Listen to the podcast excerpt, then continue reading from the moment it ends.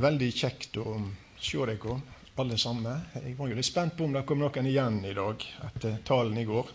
Men det er fint å se Guds folk. Og jeg er veldig takknemlig fordi at jeg har denne boka. Jeg er den salige eier av Den hellige skrifta. Det er stort. Eh, hvis jeg sa det i går at Jeremia var den lengste boka i Bibelen, da er jeg preik tull.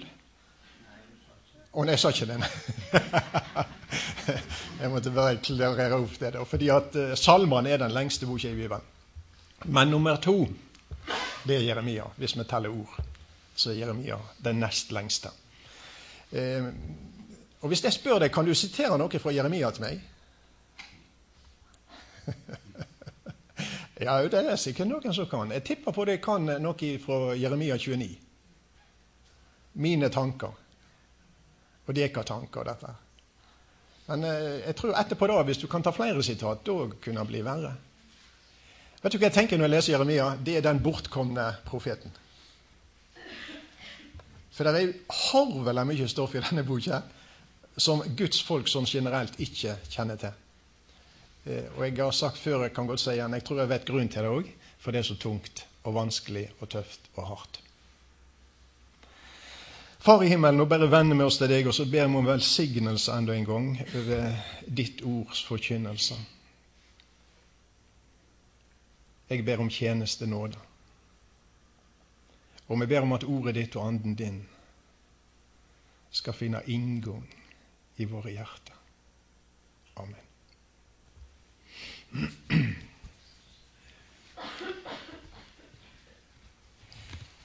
Um, jeg sa litt innledningsvis i går da, at vi snakker om endetid. Og vi snakker da om den endetida som Jeremia lever i, altså denne 40-årsperioden før de blir bortført til Babylonia. Og Det som er svært tydelig, det er at i denne tida så var alt galt med Guds folk. Jeg, jeg tenkte jeg skulle lese gjennom en gang til nå før jeg kom her, men jeg kom ikke så langt. For det, tar altså litt tid å lese. 32 eh, kapittel fra Gjelvik til Søvland. Det tar litt tid å komme gjennom. Men fins det en eneste positiv omtale av israelsfolket denne tida? Eh, nå kan jo du lese gjennom, da. Du har en god tid til i morgen ettermiddag.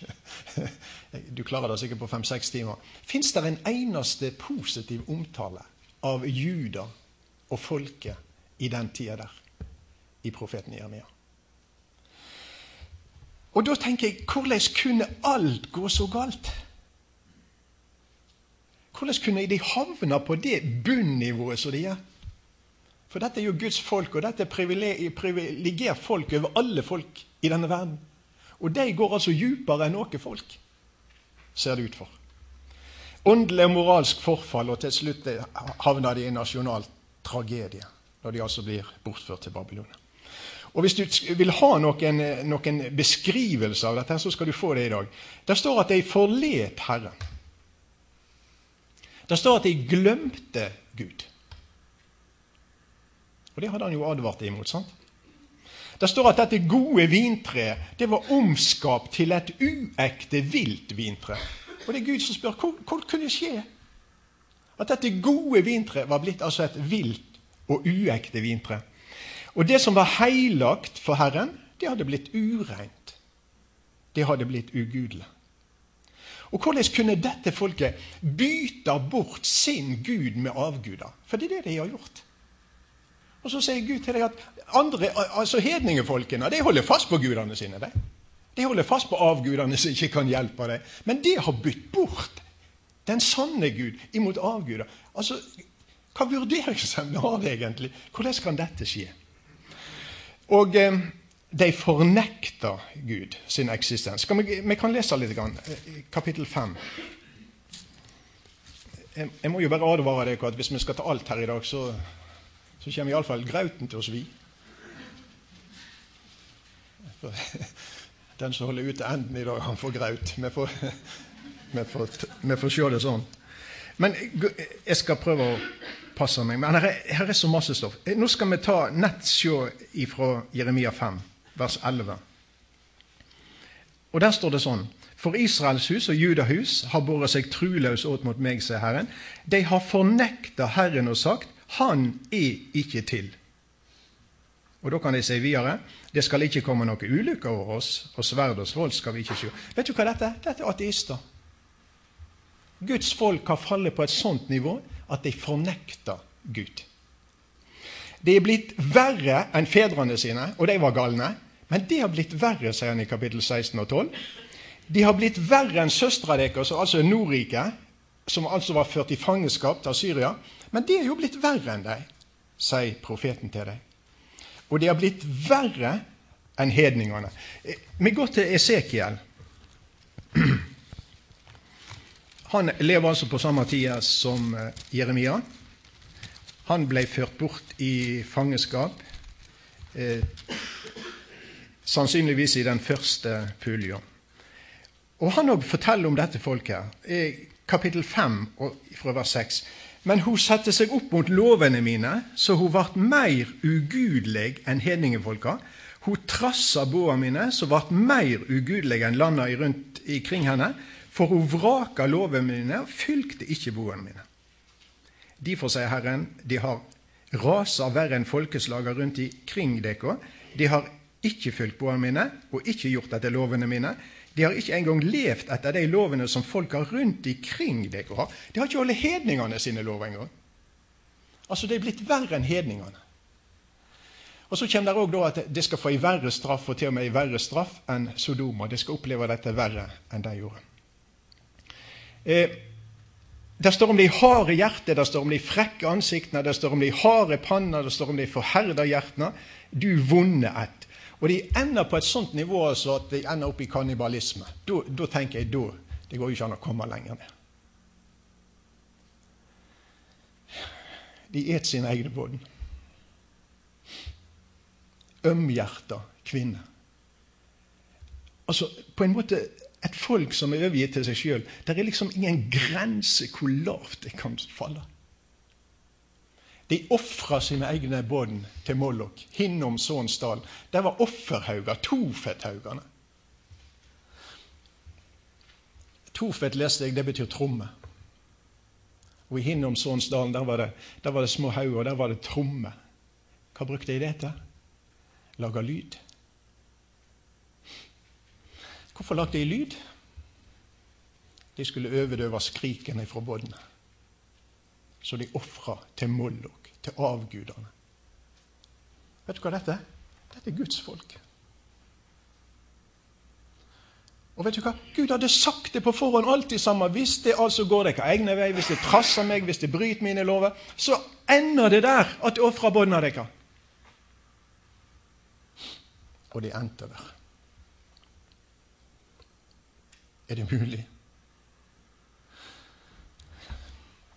Og samtidig så jeg leser, jeg klarer nesten ikke å lese de tingene. altså, det, det, er så grotesk. Og samtidig så jeg tenker på denne Hinnomsonsdalen, der Mollok var framstilt som en statue liksom med hendene sånn, og så glødende gryter under, og så la de båndene sine Samtidig så tenker jeg på det at i abortsykehusene i Norge så ofrer de mye mer på én dag enn de gjorde på 30 år. I Det er materialismens gud.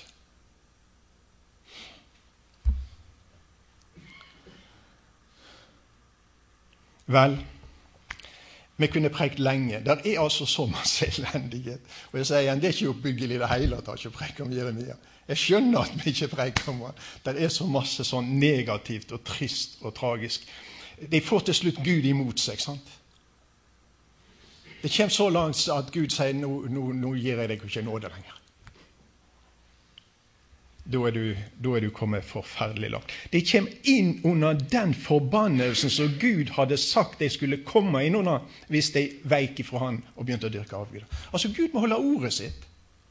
Jeg tror Gud har et problem i denne tida. Sant? For nå har de stelt seg, når de kommer inn under alle disse kriteriene han hadde sagt skulle bli til forbannelse, nå har de kommet dit.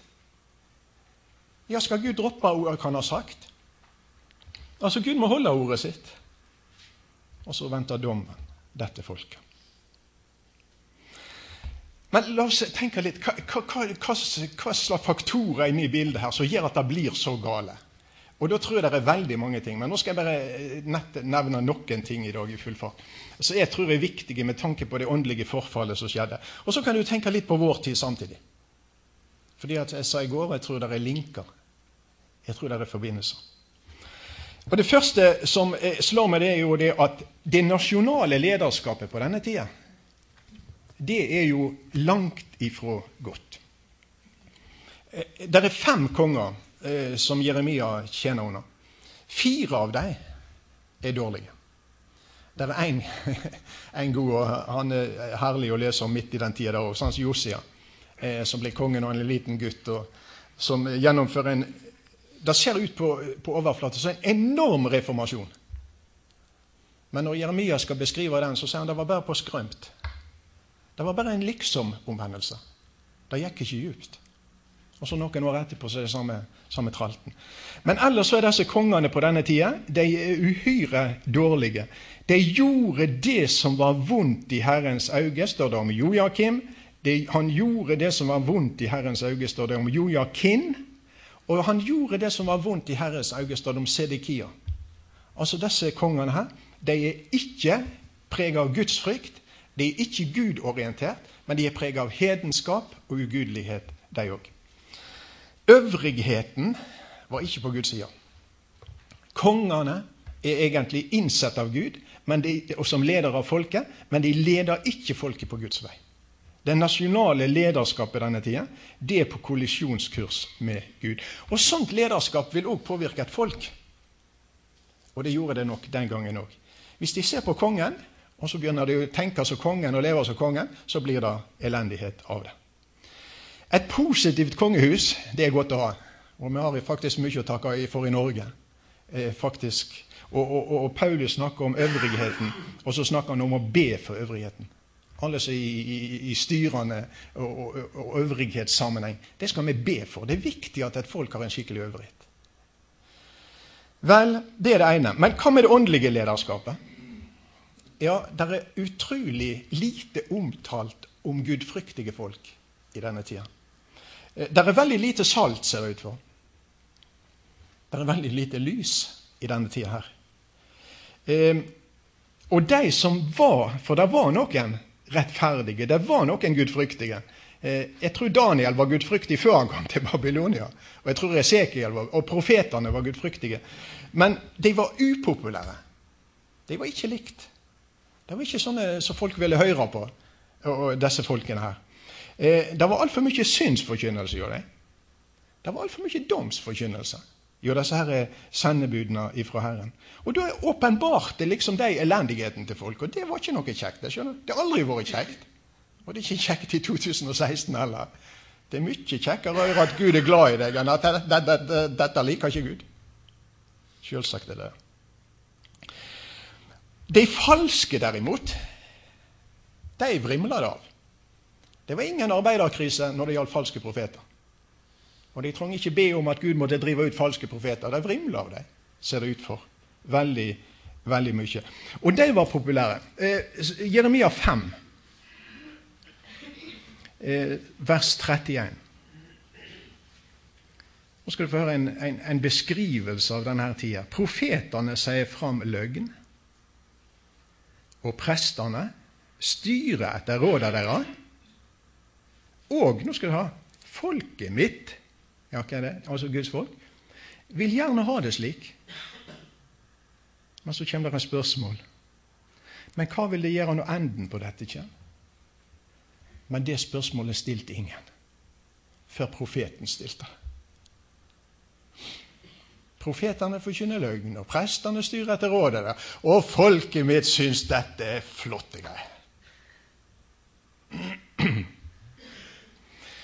Eh, hvis vi leser i Klagesangen 2 der setter altså Jeg tror det er Jeremia som har skrevet klagesangen. Eh, der setter han og ser liksom tilbake igjen, for nå er alt dette her oppfylt og skjedd. Og så står det i 2.14.: Tomt og dugløst var det som profetene dine så for deg.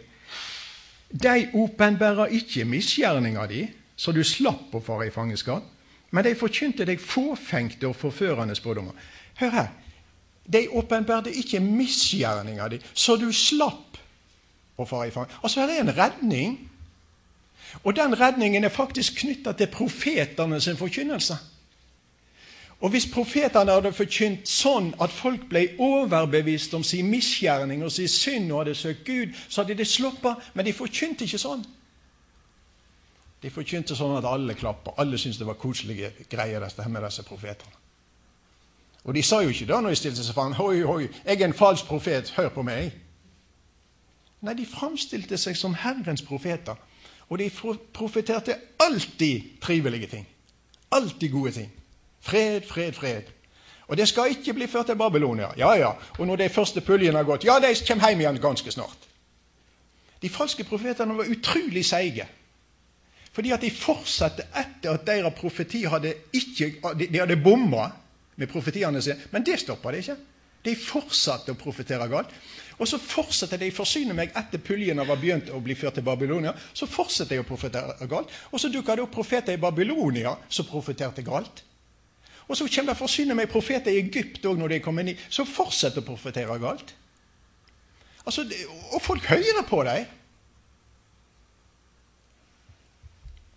Det er da Guds ord sier 'prøv deg'. Og de profetene altså, som profeterer galt, og som ikke oppfylles det de sier, de skal de ikke høre på. Altså, det er klare ting.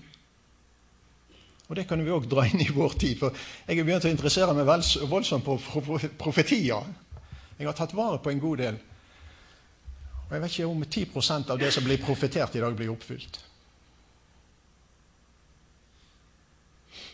Ja, men vi, vi bare durer videre, sant? Ja. Jeg sto på et bedehus og hørte en profeti. Om et år skal dette bedehuset være fullt. Og, og ikke bare bedehus, kirka skal være full. Og, og, stor vekkelse. Et år etterpå var flokken mindre. Men ingen spør hvor, hvor ble det av profeten? Han fortsetter. Vel, her er mange ting. Eh, Jeremia 23. Jeremia 23. Igjen disse, her, disse falske.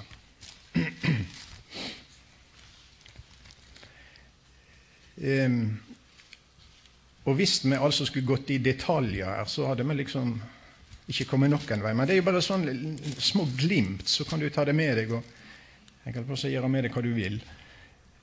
Jeremia 23 fra vers 14. Men òg jo profetene i Jerusalem har jeg sett gruelige ting. Det så ikke folket. De driver hor og fer med løgn, og de styrker hendene til de vonde, så ingen av de vender om fra vondskapen sin. Og Gud sa vend om. Og så kommer det noen profeter og sier noe, så de ikke vender om. Eh, for meg er de alle sammen vortne som Sodoma og innbyggerne som Gomorra. Derfor sier Herren allers Gud om profetene, sjå jeg gir dei malurt å ete og beiskt vann å drikke. For for profetene i Jerusalem har gudløysa ut over hele landet. Her har du kjelda til elendigheten i landet. Ifra profetene altså i Jerusalem så har gudløysa kommet ut. Altså, gudløysa kommer ikke nedifra, si. den kommer oppifra. Altså profetene som står fram altså, og sier det i Guds sendebud. Ifra dem har gudløysa spredt seg utover landet. Så når du skal skjønne den tida der, så du altså, bør du ta deg en tur til profetene for å finne grunn og årsak til det som skjedde. Eh, vi leser litt videre i det samme i samme kapittel fra vers 16. Så sier Herren allers Gud, hør ikke på de, disse profetene, sier når de profeterer for deg. De fyller deg med tomme innbilninger. De ber syner fra sitt eget hjerte, og ikke fra Herrens munn. Om, alt, om at og om at sier de til de vann... Ja, om at og om at sier de til de som vanvører meg, Herren har sagt, det skal ha fred. Og til hver den som følger sitt harde hjerte, sier det, det skal ikke komme ulykker over dykk. Dette er flotte, flotte profetier. Men hvem av de har stått i Herrens fortrulige råd, slik at han så og hørte ordet hans? Hvem har gjeve akt på ordet mitt og hørt det? spør Herren. Det er et godt spørsmål. Og Vers 21 og 22. Jeg har ikke sendt profetene, likevel sprang de. Jeg har ikke taler til deg, likevel profeterte de. Hadde de stått i mitt fortrulige råd, ville de la folket høre mine ord og vende dem fra den vonde vegen og de vonde gjerningene deres. Vers 30. Sjå, derfor kjem eg over de profetene som stel orda mine fra hverandre. Se her, merk deg det uttrykket. De stel orda mine fra hverandre. Altså, De har på en måte Herrens ord òg, men de stel det ifra hverandre. Hva, hva, betyr egentlig det? Jeg tror det kan bety mange ting. Men jeg tenker det betyr det at de, de på en måte holder fram Guds løfte, og så hopper de over alle betingelsene. sant?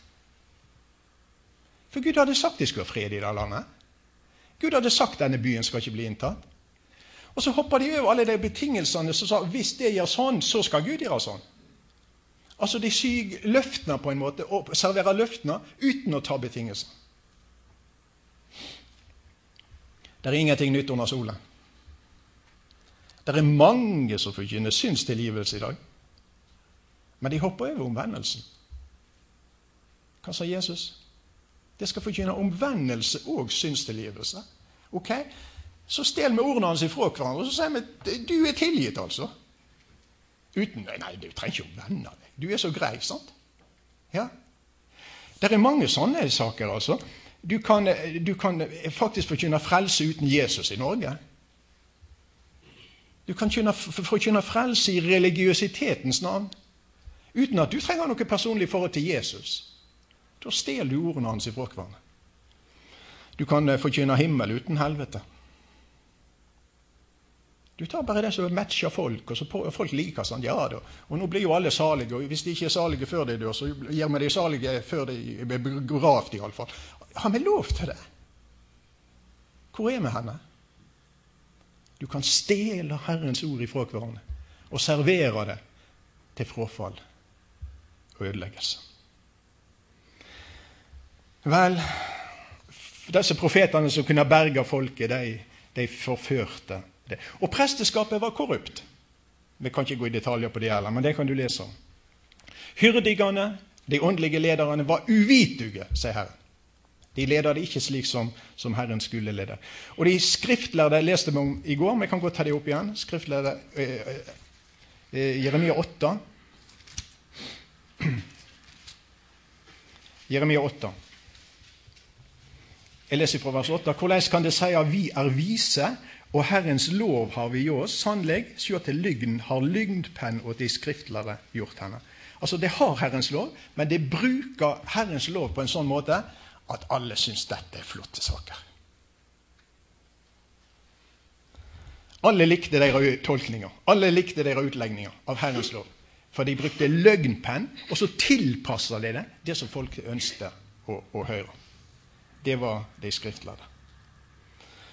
Vel, så kan vi spørre hva med gudstjeneste? Det var jo en gudsdyrking òg midt i alt dette. Det er, jo, det er jo litt merkelig. sant? Midt i all ugudeligheten så er jo tempelet der, så er presteskapet der, så er levittene der. Så foregår det ofringer. De går, de går altså til Herrens hus for å tilbe, står det i en sammenheng.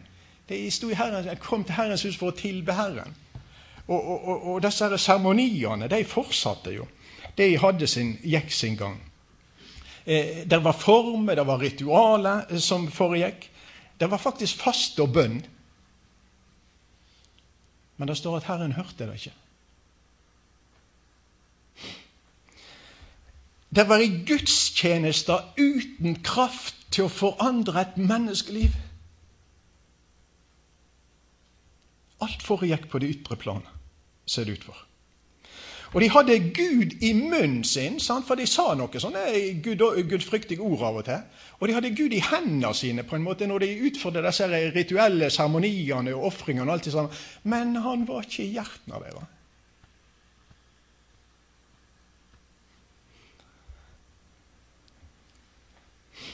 Tempelet inneholdt veldige verdier. Og det skjønte Nebukaneser. og de prøvde å ta en del av disse tempelkarene og alt. Gull og sølv og, og, og, flotte metall og enorme verdier i tempelet. Men Guds herlighet var der ikke. Gud var der ikke. Det var bare bygninger.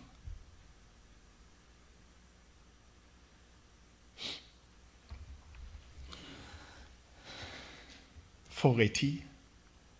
Guds hus uten Gud. Hva skjer i Norge? Ja, jeg vet ikke. Men jeg tenker litt i Jeremia-bane. Det går an å ha et Guds hus i Norge òg i dag uten Gud.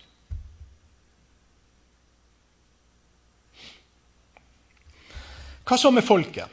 Ja, altså Det ser ut for å være ukritiske til alt som har skjedd.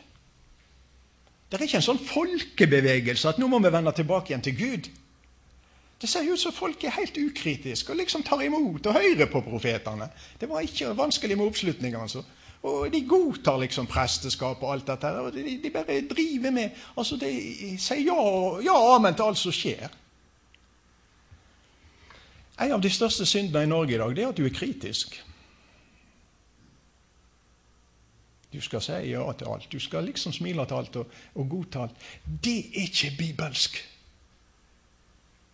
Vet du hva Gud sier til oss? Vi skal prøve alt.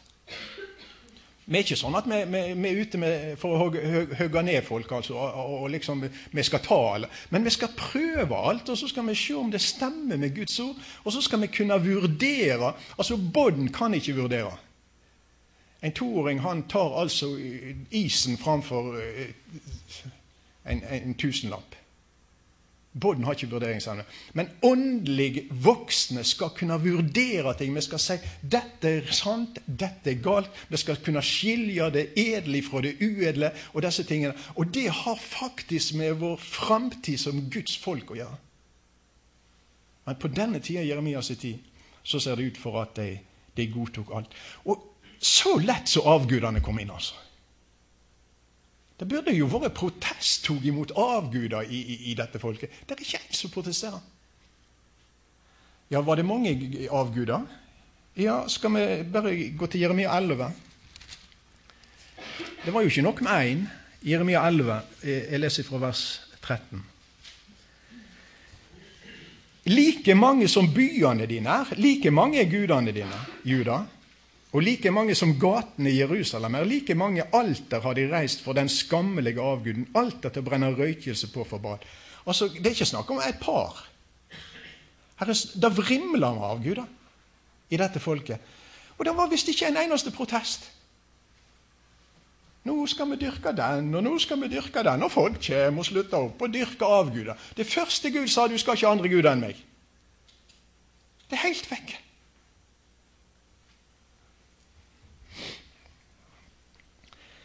De fikk til og med plass i Herrens hus. Avguder i Herrens hus. Hva er konsekvensene? Ja, Jeremia 2,5. Jeremia 2,5. Én, ett ord. Så sier Herren, hva urett har fedrene dere funnet hjå meg? Siden de gikk langt bort fra meg og fulgte de tomme gudene. Konsekvens og var tomme sjøl. Og det vil alltid være en konsekvens av å følge avguder og dyrke avguder. Du blir tom. Men det er ikke spøk å være tom, skjønner du. Da må du fylle det på med noe. Og Det er det jo disse folkene òg har skjønt og erfart. Og, og, og, da står det jo videre i 2.13 her at for to vonde ting har folket mitt gjort. De har forlatt kjelder med det levende vann. Ja, det skulle vel være nok. Da kunne de vel slappe av. Nei, det var ikke nok. Men de har hogget seg ut brunner, lekebrunner som ikke helt var Altså, Vi må fylle på noe. Tomrommet må fylles med et eller annet. Og, og, det er det som skjer med avgudsdyrking i dag òg. Altså. Du kan dyrke avguder, men da får du et tomrom. Og det må du fylle med et eller annet. Og Jeg vet ikke hva du syns om Guds folk i dag, men jeg syns det er altfor mye avgudsdyrking. Og altfor mye konsekvenser, resultat av avgudsdyrking. For nå har Guds folk det så travelt som de aldri har hatt det før. Og det er ikke med Guds rike.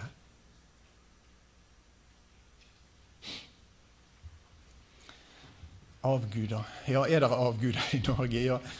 Det siste Johannes skriver i første brevet sitt, 'Mine barn, vokt dere for avgudene'. Og så kommer Paulus. Ja, han sier det. Ja, dere er jo ikke avguder, sier Paulus. ja, det, det, det, er jo bare tull, egentlig, avgud. Altså. Men samtidig sier han det som er farlig med, med avgudsdyrking, det er jo den åndsmakt som er inne i bildet. For denne steinstøtta, eller denne bronseskulpturen eller denne gullbildet av en gud det er jo ikke, det, Han er ikke farlig. Han er død, han. Men når du begynner å dyrke, når du begynner å interessere deg og, og, og begynner å tilbe disse tingene, da er du dratt av en åndsmakt som altså vil på en måte gjøre noe med deg.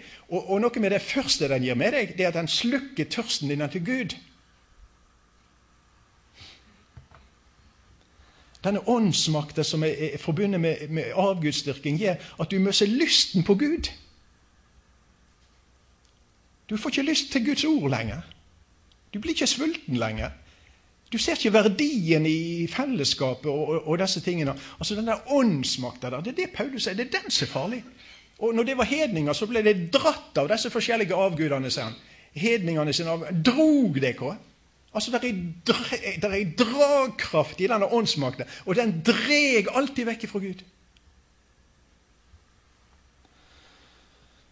Det er derfor jeg prøver så varmt og hjertelig jeg kan å spørre Guds folk hvor, hvor er du? Hva dreg på deg? Hvor har du gleden av dine?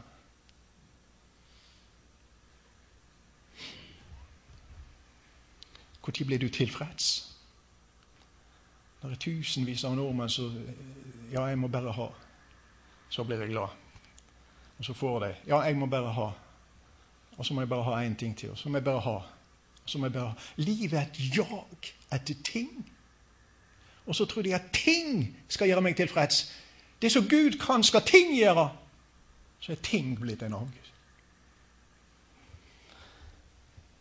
Det er gammelt. Og i dette folket på Jeremias tid, der var det avgud overalt. Og så trodde de det blir berging. Og det skal hjelpe oss. Og det okkulte ble òg søkt i denne tida. Jeg holdt på å si at engleskole er ikke noe nytt. Det var kjent fra denne tida. Der står eh, Ja, skal vi lese i eh, i andre kongebok 23. Da er vi i Josia. Tilbake til vår venn Josia. Kong Josia. Andre kongebok 23, eh, vers 24. Der står det at Josia, og nå er denne reformasjonen hans, han rydda ut daudingemanere og spåmenn og husgudene og de motbydelige avgudene og alle de styggedommene som hadde vært i Judalandet og i Jerusalem, for han ville holde orda i lova som var skrevet i den boka som presten Hilkia hadde funnet i Herrens hus. Hører du hva han rydda ut? Han rydda ut ting som var etablert i folket. Og mellom annet er det altså daudingemanere, spåmenn, hva er daudingemanere? Ja, det er en voldsom nynorsk iallfall. Daudingemanere. Men det var folk som kom i kontakt med de døde. De kunne konversere, kommunisere med de døde. Og de gjorde det. Spåmenn. Ja. For noen år siden så, så jeg ei siste side i Dagbladet, eller ikke siste, men langt bak i Dagbladet. Og der var altså spalte opp og spalte ned og spalte opp og spalte Spåkone ditt og spåkone datt. Og du, bare ring, du! Ja, du må betale skikkelig mye for det, altså. Men bare ring, så kan du bli spådd. Og jeg var så overrasket. Hjelpe meg! Det hadde det vært ei eller to, altså. Men det, det er jo ei, hel side her med spåkone. Ja, så var det en som sa jeg kom og sa dette at jeg Ja, sier han. Og det er et enormt marked. Det er haugevis med folk som ringer. Det okkulte. Eh, sånn alternative livssynsmesser og sånne ting. Altså, det samla utrolig masse folk. De hadde ei i Åsane, og da, da stilte bedehusfolket fra kirkegrensen de stilte med én stand der. Og, og, folk kom bortom til dem, vet du. og eh, Ja, vi, kan, vi kan be for dere. Ja, hva koster det, da? Liksom. De måtte betale på alle disse andre stasjonene. Da måtte de betale healing og jeg vet ikke hva det var alt mulig. Nei, dette er helt gratis. Og så presenterte de nådens Gud, som er annerledes. Men den har interesse altså, for alt mulig. Og de spør jo ikke om det, hva det fører til. De spør ikke etter konsekvenser. Så. Men dette er òg noe fra Jeremias tid, fra denne, denne her mørke, mørke saken. Når du finner Skal vi se Jesaja. Han er jo litt før, da. Men ikke så, ikke så veldig mye. Han, han eh, profeterer jo da til, til Nordriket. Eh, Jesaja 8. Jesaja 8, ifra vers 19. Når noen sier til deg 'søk til daudingemanerne og spåmennene', som kviskrer og mumler ja. Kviskrer og mumler. Da skal det svare skal ikke et folk søke til sin Gud?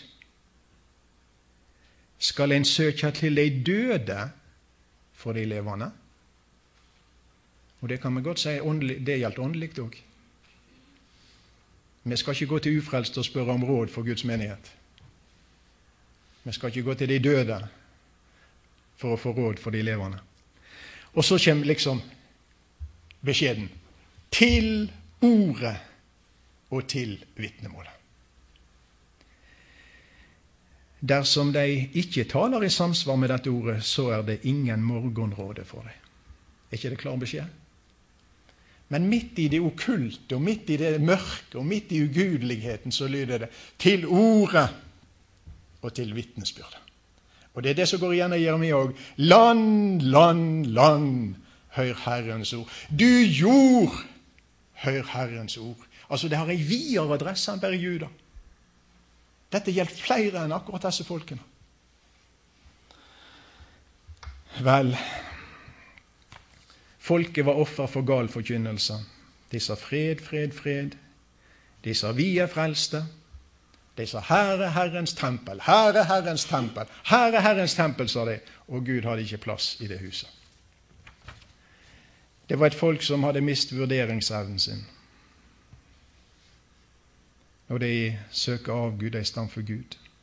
Det var et folk som hadde mist evnen til å respondere på Guds ord når Gud talte til dem. Det var et folk som hadde mist evnen til å skamme seg. Det kan du merke deg òg. Flere ganger i denne boka så, så, så, sier profeten, og så, så, formidler han til dette folket at du eier jo ikke skam. Du kan jo ikke skamme deg. Du burde skamme deg, men det skammer deg ikke. Det roser deg. Over ting som det burde skamme deg over.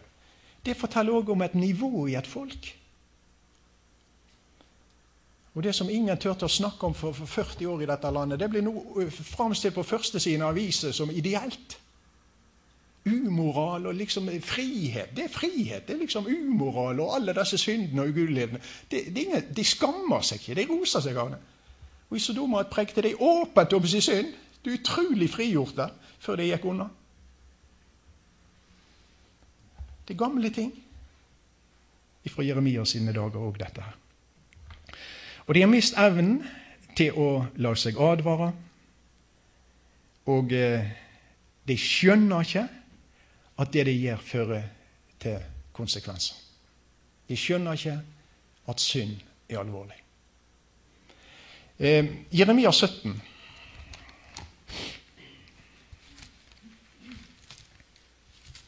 Jeremia 17. Jeg leser vers 15. Eh,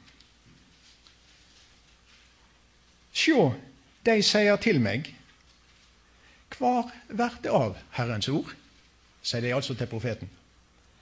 Hva som ligger under her? Ja, altså, Profeten har forkynt dom og dom og straff og vrede, men det skjer jo ingenting.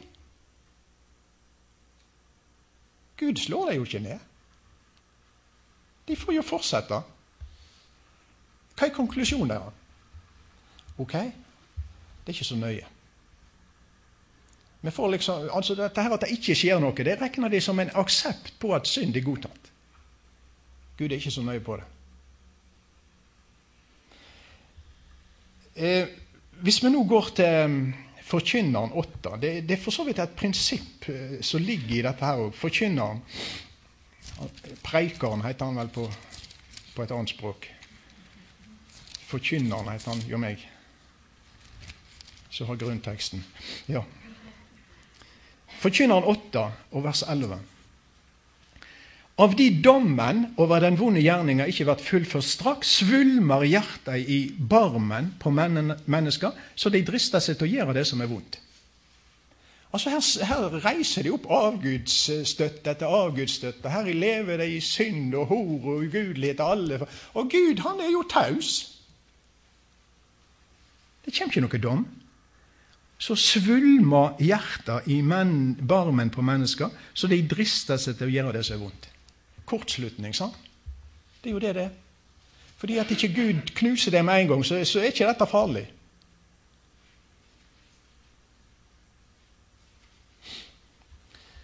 Jeg eh, leste en liten reportasje for mange mange år siden om eh, ei kirke i Sverige. Der har de hengt Kristus opp på en kross som homofil. Og så tenkte jeg at du kommer til å knuse denne kirka. Hun står der ennå. Og hvis du tenker på alt som skjer i landet vårt i dag, så kan du jo tenke å hjelpe meg at vi lever i hele tatt. Men vi skjønner jo litt, sant? Men det er jo de som tenker som så at det er ikke så nøye, sier Gud, ikke liksom slår ned på disse tingene. Det, da er det sikkert greit. Og Det var det de gjorde i Jeremias tid òg. De kortslutta. Vær med meg en liten tur til Jeremia 44. Jeremia 44. Skal du eh, ta en ny kortslutning? Jeremia 44. Da er de havna i Egypt. Og det hadde Gud heller ikke bedt dem om. Altså, De gjør omtrent alt galt. De. Altså, Gud hadde bedt dem å overgi seg til babylonerne, så skulle de bli berga. Og nei, de gjorde jo ikke det. Så hadde han bedt dem etterpå bli i landet, så skal de bli berga. Nei, da dro de til Egypt. De hadde mye mer tro på egypterne kunne berge enn Gud kunne berge dem i landet. sant? Og så tar de, tar de, Jeremia med seg. Og han ble med. Eh, men så har de en, en, en disputt her med, med, Jeremia, da, i kapittel 44. Eh, og så står det i vers 16.: Vi vil ikke høre på deg i det du har talt til oss i Herrens navn. De, de har ennå ikke blitt forandra etter all elendigheten. Godhet kunne ikke forandre dem, og elendighet kunne ikke forandre dem. For et folk! Sant? Og så sier de i vers 17.: Men vi vil gjøre alt det vi har lova med munnen vår. Vi vil brenne røykelse for himmeldronninga og renne ut drikkoffer for henne, slik som vi har gjort vi og fedrene våre, kongene våre, hovdingene våre, i byene i Juda og på gatene i Jerusalem. Da åt vi oss mette på brød, og det gikk oss vel, og inga ulykke råka oss. Sannsynligvis er det Astarte det snakk om. Og så refererer de til ei tid altså, det har vært juder, der de altså ofra til Astarte eller himmeldronninga. Og da gikk det bra! Da fikk de mat. Så nå vil vi fortsette med det kortslutning. Hvem var det som hadde forsørga dem? Hvem var det som hadde gitt dem mat? Det var Gud. det. Men de tilskriv Guds godhet, tilskriv deg en avgud. Det var lettere for deg altså å tenke i de baner, å dyrke en avgud og takke, Gud, takke avguden for det Gud hadde gitt deg. Og vi vil fortsette. Vi vil fortsette med det.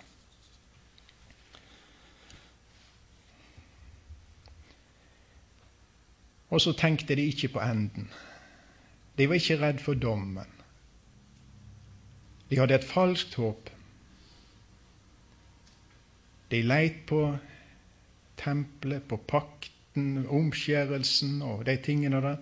Og så hadde de alle disse festningsbyene som ingen kunne innta. De var så svære murer rundt, og det var så godt bevokta. Det Ingen kunne innta dem. Og i, i, i, perioder så var det jo òg bedre dager, da de kunne gjete seg mette. og sånt, sant? Og så opp og ned. Folket forsto ikke sin situasjon. Og folket skjønte ikke hva synd var, og folket skjønte ikke hvem Gud var. Og dette er Guds folk i navnet. Og så kunne vi snakke litt om bønn. Var det noen som ba i den tida? Jeg tenker Når jeg leser Jeremia Her må det være noe stå, om noen som ber til Gud. Jeg har ikke funnet det. Men jeg tror det var det. Men det som er en underlig sak vet du hva, Tre ganger så får Jeremia beskjed fra Gud du skal ikke be for dette folket. Han får bønneforbud.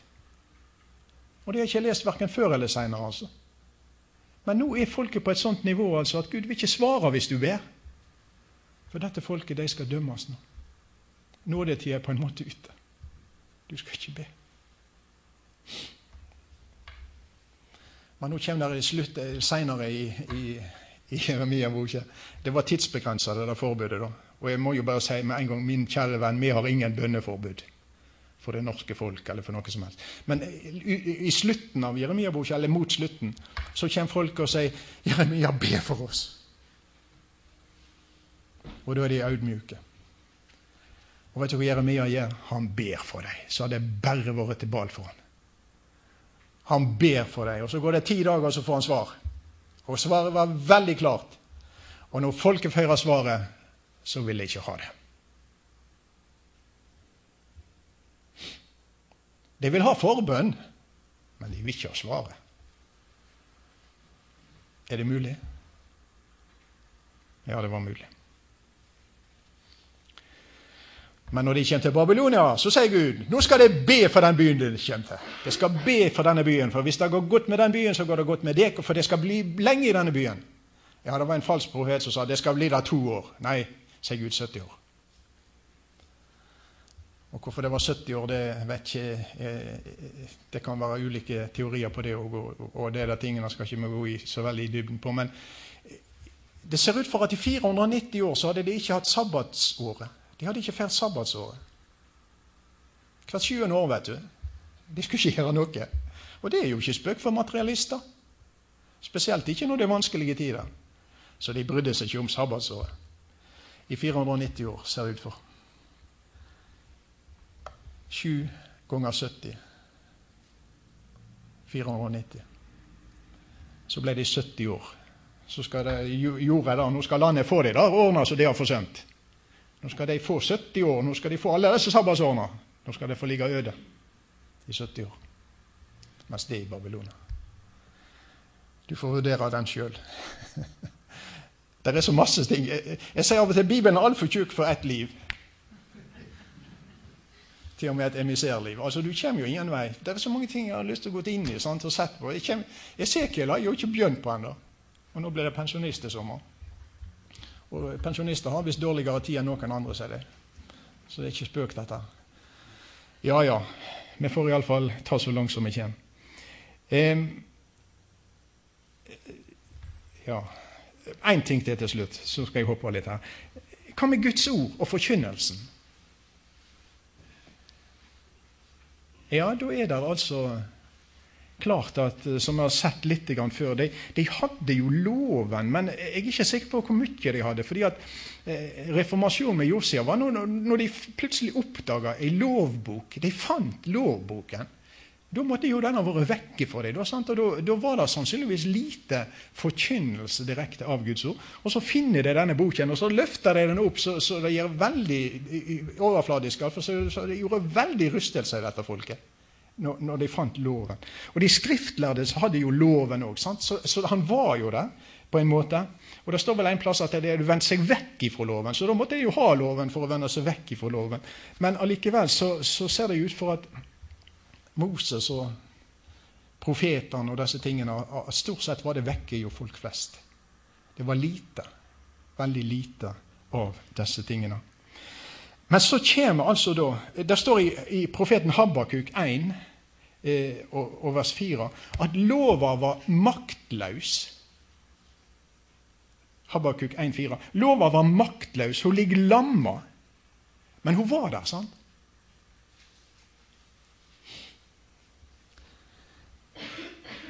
Hvis du har en råten olderstubbe, så klarer du ikke å få noe flott møblement ut av den selv om du har verdens beste redskap.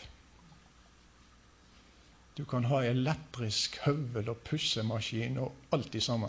Du klarer ikke å få noe fint ut av en råten olderstubbe. Ikke fordi det ikke er verktøy i orden, men det er materialet i denne stubben altså, det, det, det, nytter ikke. å få noe skikkelig ut av. Ja, loven er maktesløs her. Og det er jo det som Paulus sier òg. Romerbrev 8. Loven er maktesløs. Hvorfor var den maktesløs? På grunn av kjøtet. Råtne olderstubben, skjønner du. Fikk ikke skikk på dem. Virka ikke. Og folket mitt kjenner ikke Herrens lov, står det i Jeremia 8, 7. Men så sender altså Gud profeter. Å, for en Gud, tenker jeg. Å, for en tålmodighet. Og Jeremia i 40 år, og Sefanya, og Esekiel og Habakuk. Og, og, og, at Gud ikke gav opp med en gang.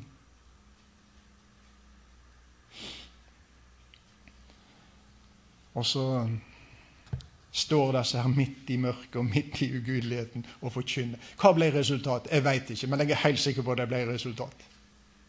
For dette Gudsordet det er altså sånn at til og med altså, i, i, alt mørke så kan det på en, Du leste om lys. sant? Der er noe lys. Og jeg, Det er vel ikke for ingenting at Daniel ble Daniel, og Sadrak og Mesak og Abednego ble de karene der. Men den Gud altså som, som sender profeter, den Gud har ikke gitt opp folket sitt.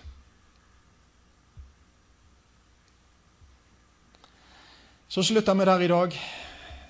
Dette var lite oppbyggelig. Men for meg er det utrolig lærerikt og nyttig med tanke på den tida jeg lever i. Og jeg ser noen ting i dag så tenker jeg dette er akkurat som Jeremias tid. Og så ønsker jeg å være på parti med Jeremia. Og det tror jeg du vil òg. Og heller være de som formidler lys inn i mørket. Redningen for folket vårt Guds ord, Guds ånd, Guds folk.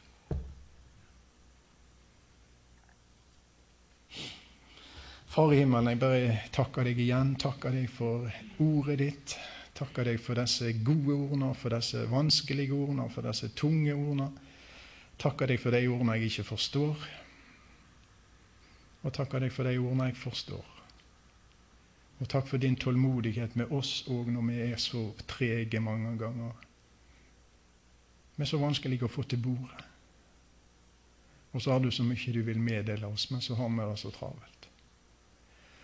Og så er det så eh, vanskelig ofte å velge den gode delen. Og så sa du en gang at det var én ting som var nødvendig. Tilgi oss at vi tror så lite på deg. Tilgi oss at vi forstår så lite av deg. Og hjelp oss at vi kan vokse i nåde og i kjennskap til deg. At vi er et folk som kjenner Herren vår Gud. At vi er et folk som elsker Herren vår Gud. At vi er et folk som tilber Herren vår Gud. Og at jeg rundt og ser at vi er et folk som du har møtt. Velsign disse venner, Herre Gud. Fyll oss med Anden din. Vi klarer i grunnen ikke noe av oss sjøl. Fyll oss. Bruk oss, Jesus. Og vi ber for landet vårt i dag. Vi ber for folket vårt i dag. Vi ber at du skal forbarme deg over alle disse som går på den breie veien. Det er så masse flotte mennesker. Det er så masse eksemplariske mennesker. Og så kjenner de ikke deg. Og så er de på vei mot stupet og et evig mørke. Forbarm deg, Far i himmelen. Forbarm deg. Og vi ber òg i dag spesielt for deg i våre familier som ikke er frelst. Og vi, vi fortsetter å rope til deg, Gud. Kom. Vi ber at du gjør under. Og vi ber faktisk om god gammeldags syndenød og frelsesfryd at øyet kan stråle, at hjertet kan boble i glede over at det er frelst. La det skje, Jesus. Amen.